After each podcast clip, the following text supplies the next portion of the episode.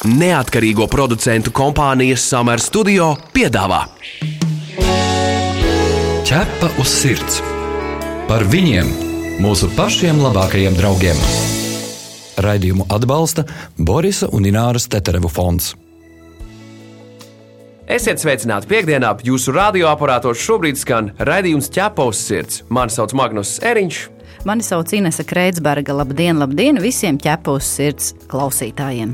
Rudens strauji tuvojas, arī skolēnu uz skolu sāk gatavoties, un cilvēki sāk gatavoties jauniem cēlieniem, projektiem un arī ilgi gaidītiem lēmumiem, piemēram, kucēna iegādēji. Jā, un šī tēma tāda ir īsti aktuāla arī tagad uz rudeni. Varbūt tāpēc cilvēki ir atlikuši šo tādu plānu, bet mēs šodien runāsim tieši par cilvēkiem, kuri ir izlēmuši ņemt kucēnu. Tas ir nevis par to ņemt vai neņemt, jā, tas diskusiju moments, kam jābūt ļoti ilgam, protams, bet šobrīd eh, tieši par to, kādu sunu izvēlēties.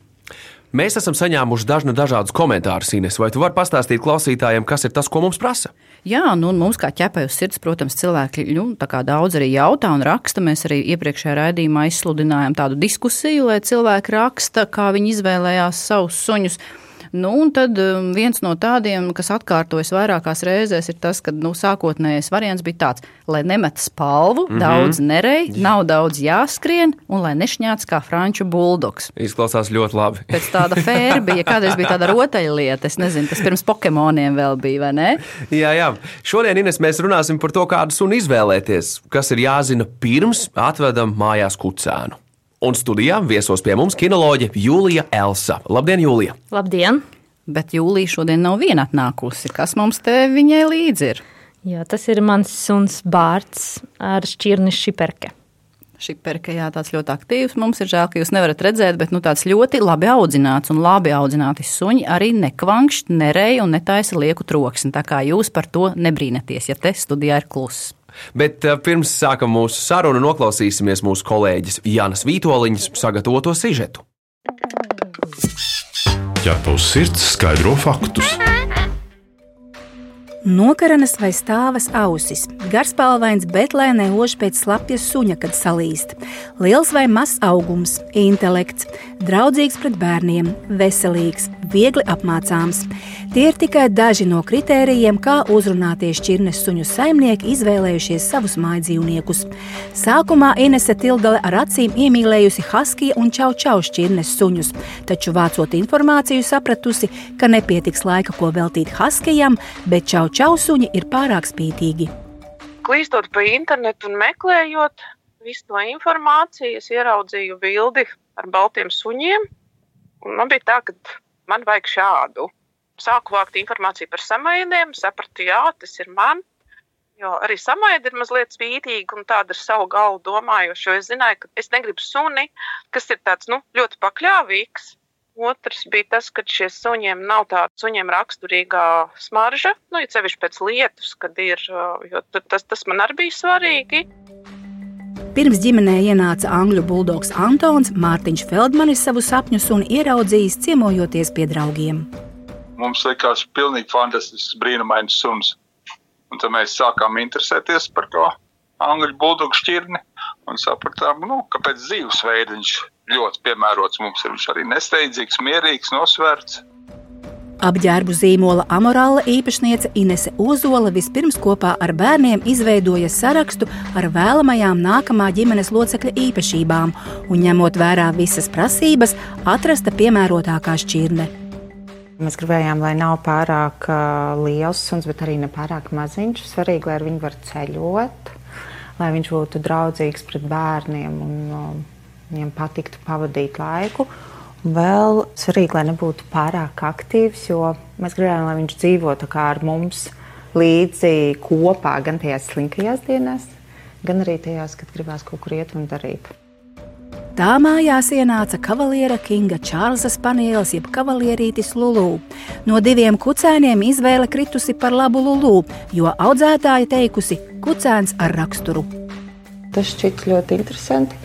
Man šķiet pievilcīgi cilvēki ar raksturu, sūņi ar raksturu. Un, tajā var izveidoties kaut kāda patiešām dziļa mīlestība un attiecības. Vācu aitu suņu audzētāja ar 20 gadu stāžu Solvita Vēvere atzīst, nopietni šķirnes suņu audzētāji savus lolojumus pārsvarā nereklamē vispār zināmajos sludinājumu portālos, bet gan ievieto informāciju klubu mājaslapā. Tāpēc neapzinīgi un neinformēti potenciālie suņu saimnieki piezvana reti. Kad cilvēki e, zvana un meklē vācu aitu suni, tad pārsvarā tie ir cilvēki, kas meklē suņus aktīvam dzīvesveidam, meklē ģimenes draugu, un tajā pašā laikā viņi meklē arī drošību, jo joprojām e, ļaudis interesējas par to, ka lai nu, suns arī pildītu šo mājas sarga funkciju. Detalizētā sarunā ar iespējamo saimnieku Solvita izvērtē, vai viņš izvēlas sev piemērotas šķirnes suni. Taču, ja viens jautājums izskan kā pirmais, tad audzētājai uzreiz ir skaidrs - visticamāk, nošauts greizi. Man vajag sargsuni. Tajā brīdī, kad cilvēks eh, meklē suni sargāšanai, mēs uzreiz cenšamies ieiet dziļākā detalizācijā, jo neslēpšu, ir eh, cilvēki, kas iedomājas, ka viņš vienkārši nopērk suni, noliek sētā un ar to viss sākas un beidzas. Vācu suni ir daudz jāstrādā, jo viņš ir aktīvs, viņš ir tā ģenētiski uzbūvēts, ka viņš grib mācīties un spēj iemācīties būt paklausīgs.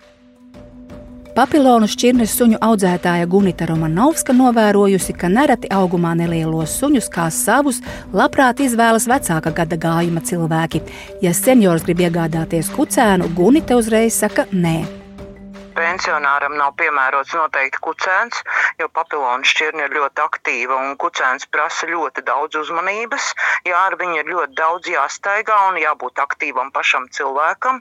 Jā, tātad pensionāram, kas nu, grib mājas mīlīt tādu, kuru turēt klēpītī un glaudīt tikai, papilons noteikti nederēs kucēns.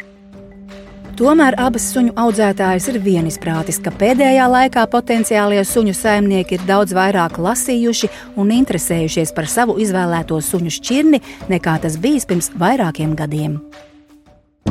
Ķepa uz sirds jautā ekspertam. Nu, re, izrādās, ka tomēr pēdējā laikā cilvēki ir vairāk informēti par to, kādu suni vēlas, un arī tomēr jau daudz ko palasījuši. Bet jautājums Jūlijai uzreiz tāds, Kad cilvēki ar tevi tomēr konsultējas pirms kucēna iegādes, ja tomēr, kad suns jau ir mājās un, kā saka, atpakaļ ceļa vairs nav? Nu, redziet, pēdējā laikā tieši es arī piekritīšu jums, ka mums ir tā, ka man bija vairākas jau gadījumi konsultācijas par to, ka cilvēks vēlās paņemt pirms un ko viņš vēlās. Un mums ir pilnīga tāda nu, vesela konsultācija, vismaz uz stundu, kur mēs noskaidrojam, kādi ir dzīves apstākļi, ko īsti grib. Un mēs kopā teiksim, izvēlamies to pieci šķirnes, un tad cilvēks no viņiem izvēlās. Un reāli es zinu, jā, ka tas tāds plānots, tiešām bija pārdomāts lēmums, un pēc tam jau griežās pie manis ar kucēnu. Jau ir tādi gadījumi, bija vairāki. Tā, kā, tā tendence, manuprāt, ir cilvēkiem, ka viņi vairāk aizdomājas.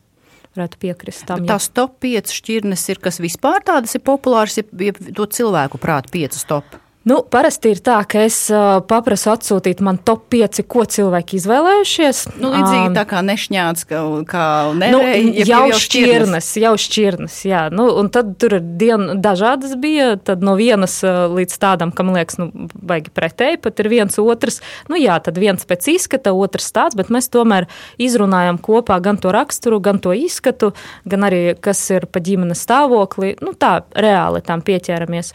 Un tad jau pēc tam mēs pieņemsim to top 5 parevidējam drusciņu, un tad es pielieku savas šķirnes, un tad ir kaut kāds kopsavilkums, ko tad cilvēks īsti grib. Runājot par to slaveno tekstu, vai ne? Patiesībā es arī diezgan līdzīgi domāju par to, ka dzīvoklī suni tomēr labāk ne, bet būs māja, tad arī, tad arī iegādāšos suni. Ko tad tas nozīmē, ka ja māja, tad suni vienkārši izlaidīs pagalmā un ar to viss beigsies? Īsti jau ne, vai ne? Jo redz, kā Magnus, tu saki, tu arī līdzīgi domā. Jā, jā. Kā tev liekas, nu tātad tev būs liela māja, un tad tu varētu ņemt suni, un tad ko?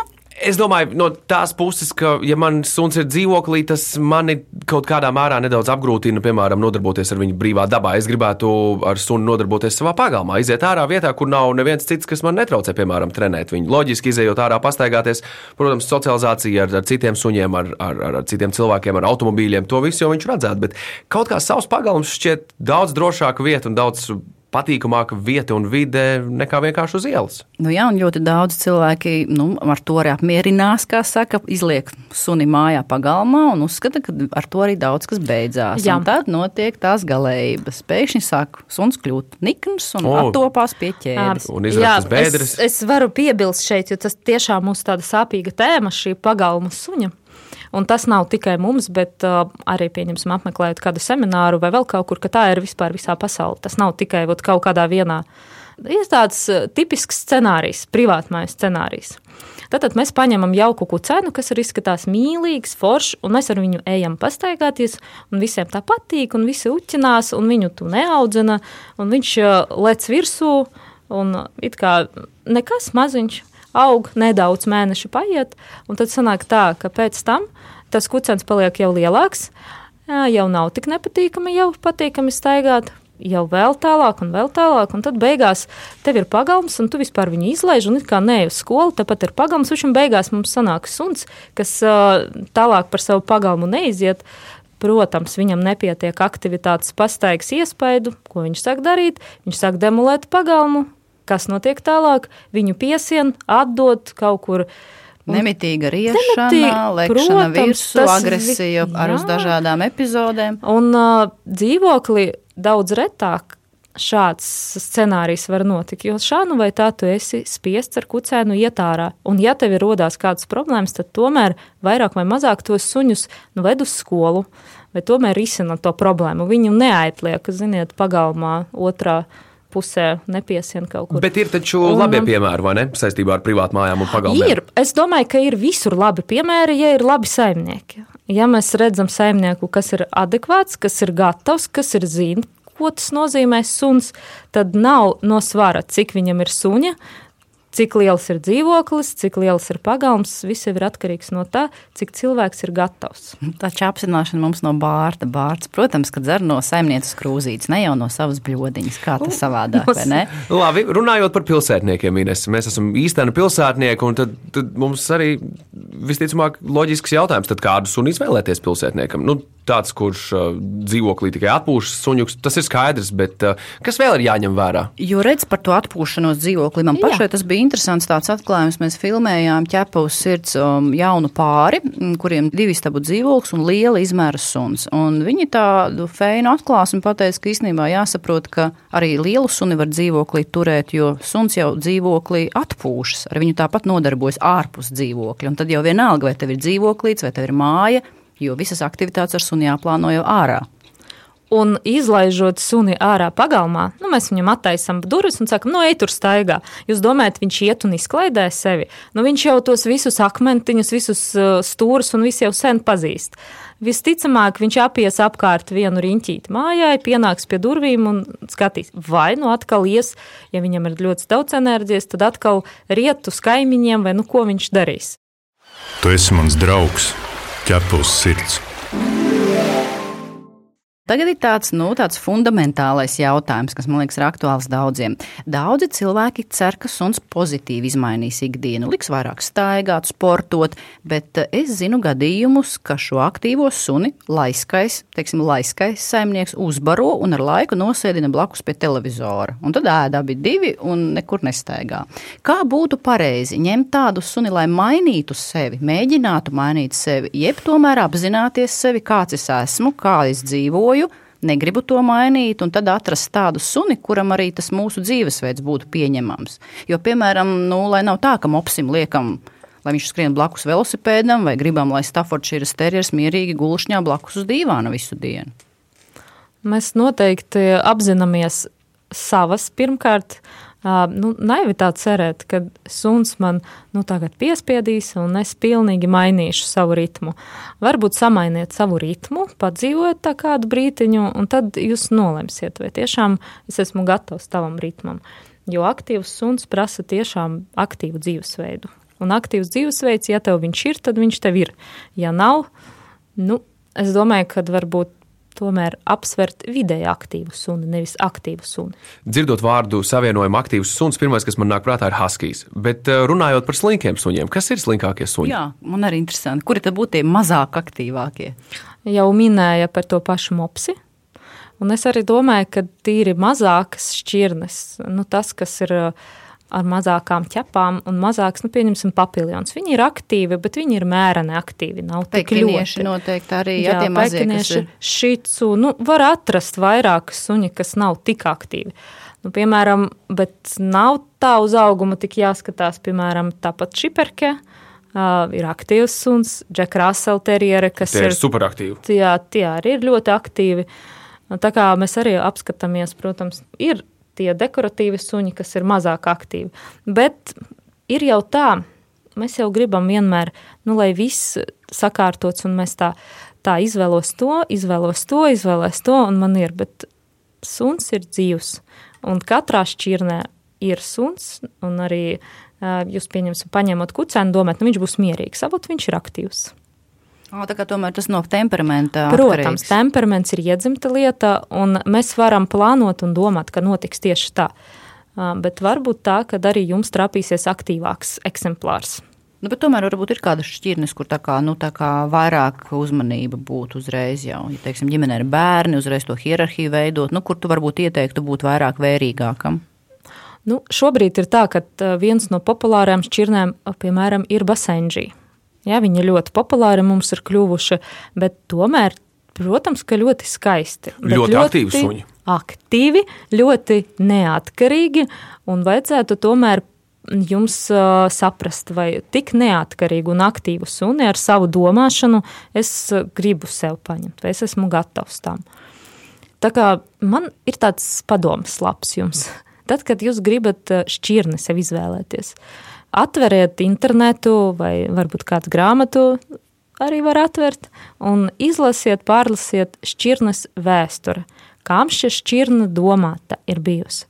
Kāda viņa ir vēsturiskie fakti ir bijuši? Kas ir tas, kam tā šķirne bija gatavota?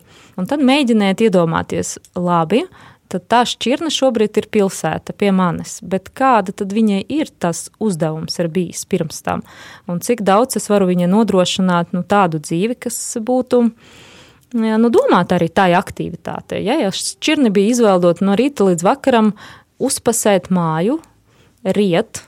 Pa senčiju, tu domā? Es domāju par Džeku Raselu, piemēram. Ah, par Raselu, ok.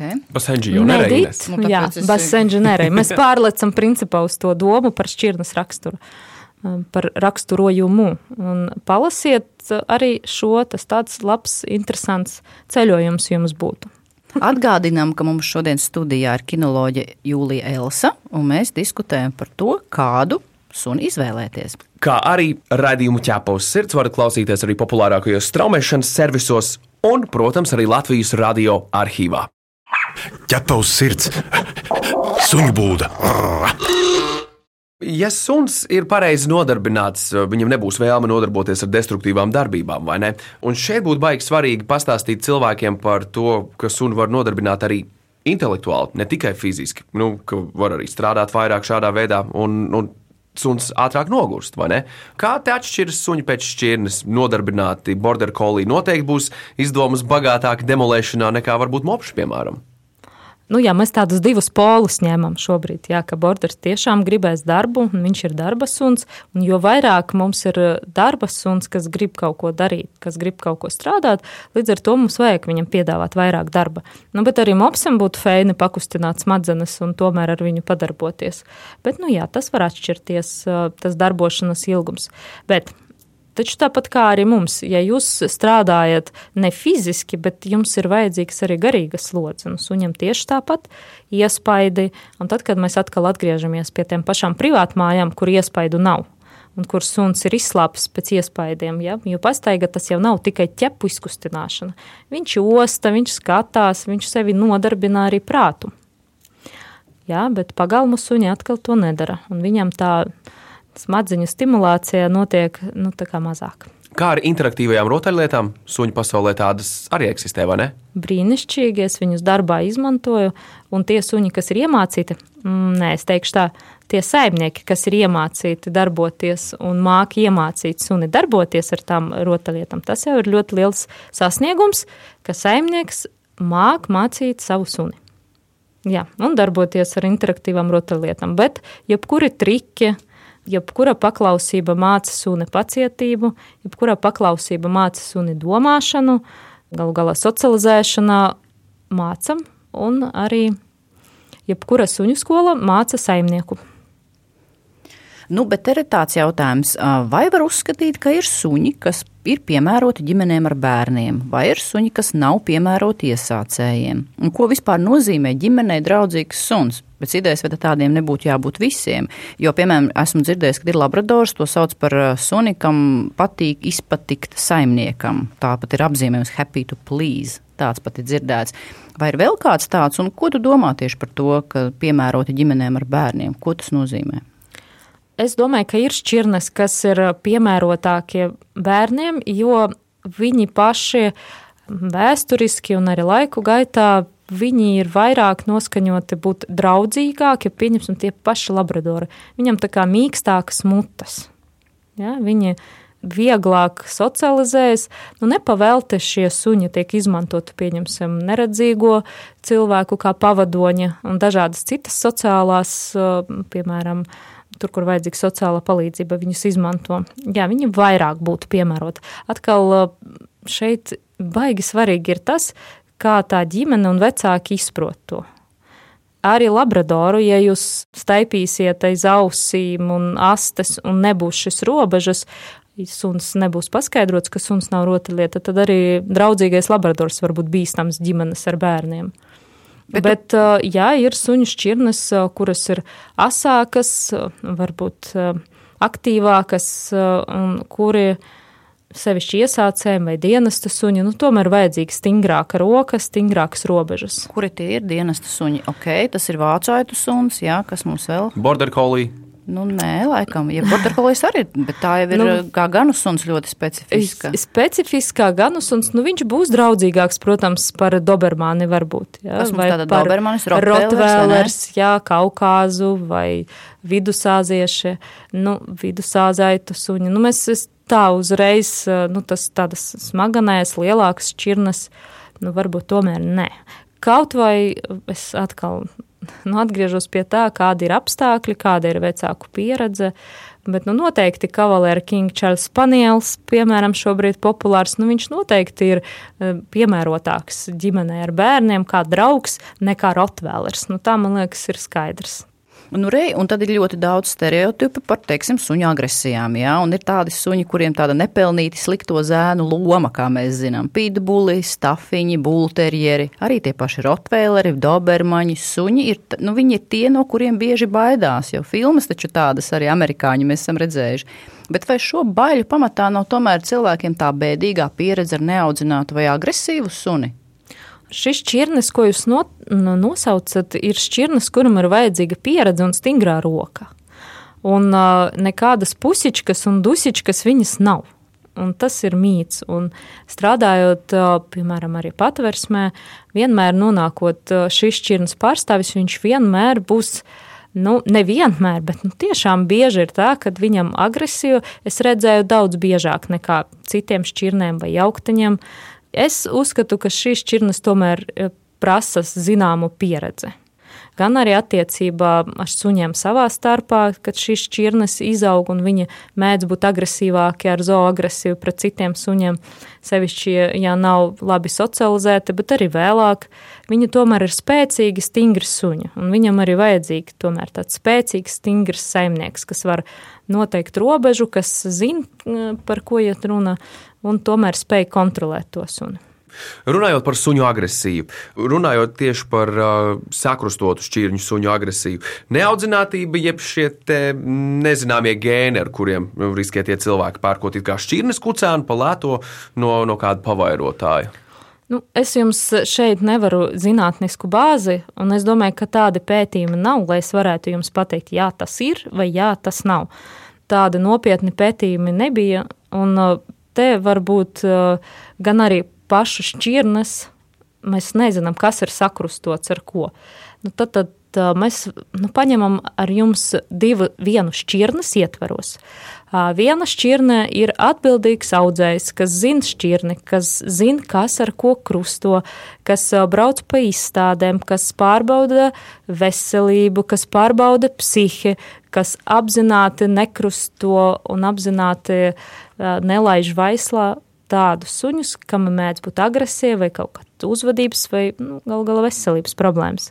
Un tas arī būs tas pats šķirnes, kurš vienkārši palēto sludinājumu servisā, tikai vairot, tikai bez nekādām pārbaudēm, un tad mēs runājam par kādu šķirnes šīs krustojumiem. Ja? Līdz ar to tie, kas jau kaut ko krustojas, to jau mēs varam domāt, kas viņam ir tajā background, kas viņam tur ir atpakaļ. Jā, tie saimnieki. Līdz ar to nu, grūti pateikt, vai tas ir šķirnes sakrustojums, jo vienkārši ir bezatbildīga svairošana, un tāpēc viņi ir tādi, vai tas ir gēni. Nu, pētījumi, diemžēl, es tādu nedzirdēju. Bet nu, noslēgumā varbūt jūlija nu, ir kaut kādas teiksim, trīs top lietas vai tāda īpaša norāde, kuru tu ieteiktu cilvēkiem, kuri joprojām svārstās, nezina, kādu suni izvēlēties. Jo, redz, vienmēr jau pastāv liktenis. Varbūt mēs gribam kādu šķirnes suni konkrētu, bet mēs varam savu suni ieraudzīt kādā patversmē vai izglābt. Kā tu ieteiktu jūlija rīkoties? Liktenis pastāv arī ar šķirnes suņiem. Un brīžiem ir tā, ka es domāju vienu, bet es nonāku pie kaut kā cita. Un ir pat ir gadījumi tā, ka es izvēlos nevis šķirne, bet cilvēku, kas audzē šo šķirni, un es zinu viņu šķirnes piemēram, vecākus raksturu, un es iemīlos jau konkrēti nu, visa tā kopā. Gan pie kā es ņemšu suni, gan kādu es ņemšu suni. Gan kādu atbalstu es saņemšu no tā cilvēka, kas audzē suņus, manuprāt, arī ir ļoti būtiski. Uh, Arī tāpat, ja es izdomāju, varbūt ņemt vienu šķirni, bet aiziet uz patversmē, pārunāt ar patversmes darbiniekiem un izvēlos kādu suni, varbūt pat pieaugušu. Man pavisam nesen bija gadījums, kad cilvēki zvanīja, un mēs ar viņiem nonācām līdz tam, ka nu, aizbraucat, apskatieties, parunājiet, nav jau obligāti jāņem tas dzīvnieks. Bet pēc kāda brīdiņa viņa man zvana un saka, jā, mēs esam paņēmuši pieaugušu suni, un mēs esam apmierināti, un viss ir ļoti labi. Tā kā izvēle jau var būt, eh, ja es vēl nezinu, tad pagaidiet. Vairāk salasiet informācijas, runājiet ar audzētājiem, padomājiet varbūt par patversmes suni. Te gan es arī gribu piebilst, ka patversmes suns vienmēr ir risku faktors, jo mēs nezinām, kas ir iepriekš ir bijis. Par to vienmēr ir viena puse ir tā, cik forši ir izglābt un paņemt no patversmes, bet otra ir puse tā, ka tā ir lielāka atbildība. Vēl lielāka atbildība. Tā kā runājiet, interesēties pie patversmes darbiniekiem. Ja es gribu šķirnes suni, es aizēju iespējams uz kādu suņu izstādi, nu jau beidzot viņi sāk notikt parunāju ar audzētājiem, satiekos ar saimniekiem un nu, nesteidzos tajā lēmumā. Vēl viena lieta ir forši izvēlēties, kad es ņemšu kucēnu. Nu, lai nav tā, ka man ir sestdiena, svētdiena, pirmdiena uz darbu. Nu, tomēr norganizēju sev atvaļinājumu, norganizēju, pārdomāju, kā tas būs, kurā laikā. Ja man, piemēram, bija mm, kucēns maijā, Nu, brīnišķīgi šie visas vasaras dienas mēs tik daudz varējām ārā pavadīt, un tad arī ir vieglāk ar viņu. Ja nevis ziemā, augstumā, negribās pašiem iet un kucēns salst. Nu, paldies, liels Jūlija! Tev par to, kā atnāci pie mums šodien. No manas puses, varbūt tāds aicinājums izmantot izdevību, palūgt konsultāciju kinologam pat pirms kucēna iegādes, nevis tad, kad jau tas guvums ir mājās. Visur kopā - ķepus sirds! Bet nākamajā raidījumā mūsu tēma ir joprojām, diemžēl, ļoti aktuāla. Tā ir dzīvnieku pārprodukcija Latvijā. Joprojām labās rokās tiek atdoti kucēni, kaķēni, kas rodas saimnieku nekastrētiem dzīvniekiem. Labo roku limits jau ir izsmelts. Ko darīt ar nevienam nevajadzīgiem dzīvniekiem un kāpēc Latvijas patvērsmēs katru gadu nonāk tūkstošiem kaķu un suņu? Par to runāsim nākamajā nedēļā. Bet šajā raidījumā šonadēļ tas ir viss. Mani sauc Inese Kreitsberga. Mani sauc Magnus Eriņš. Raidījumu veido neatkarīgo producentu kompānija Summer Studio. Visu labu! Atā! Ķepa uz sirds! Informatīvi izglītojoši raidījums par dzīvnieku pasauli un cilvēkiem tajā. Raidījumu atbalsta Borisa un Ināras Teterevu fonds.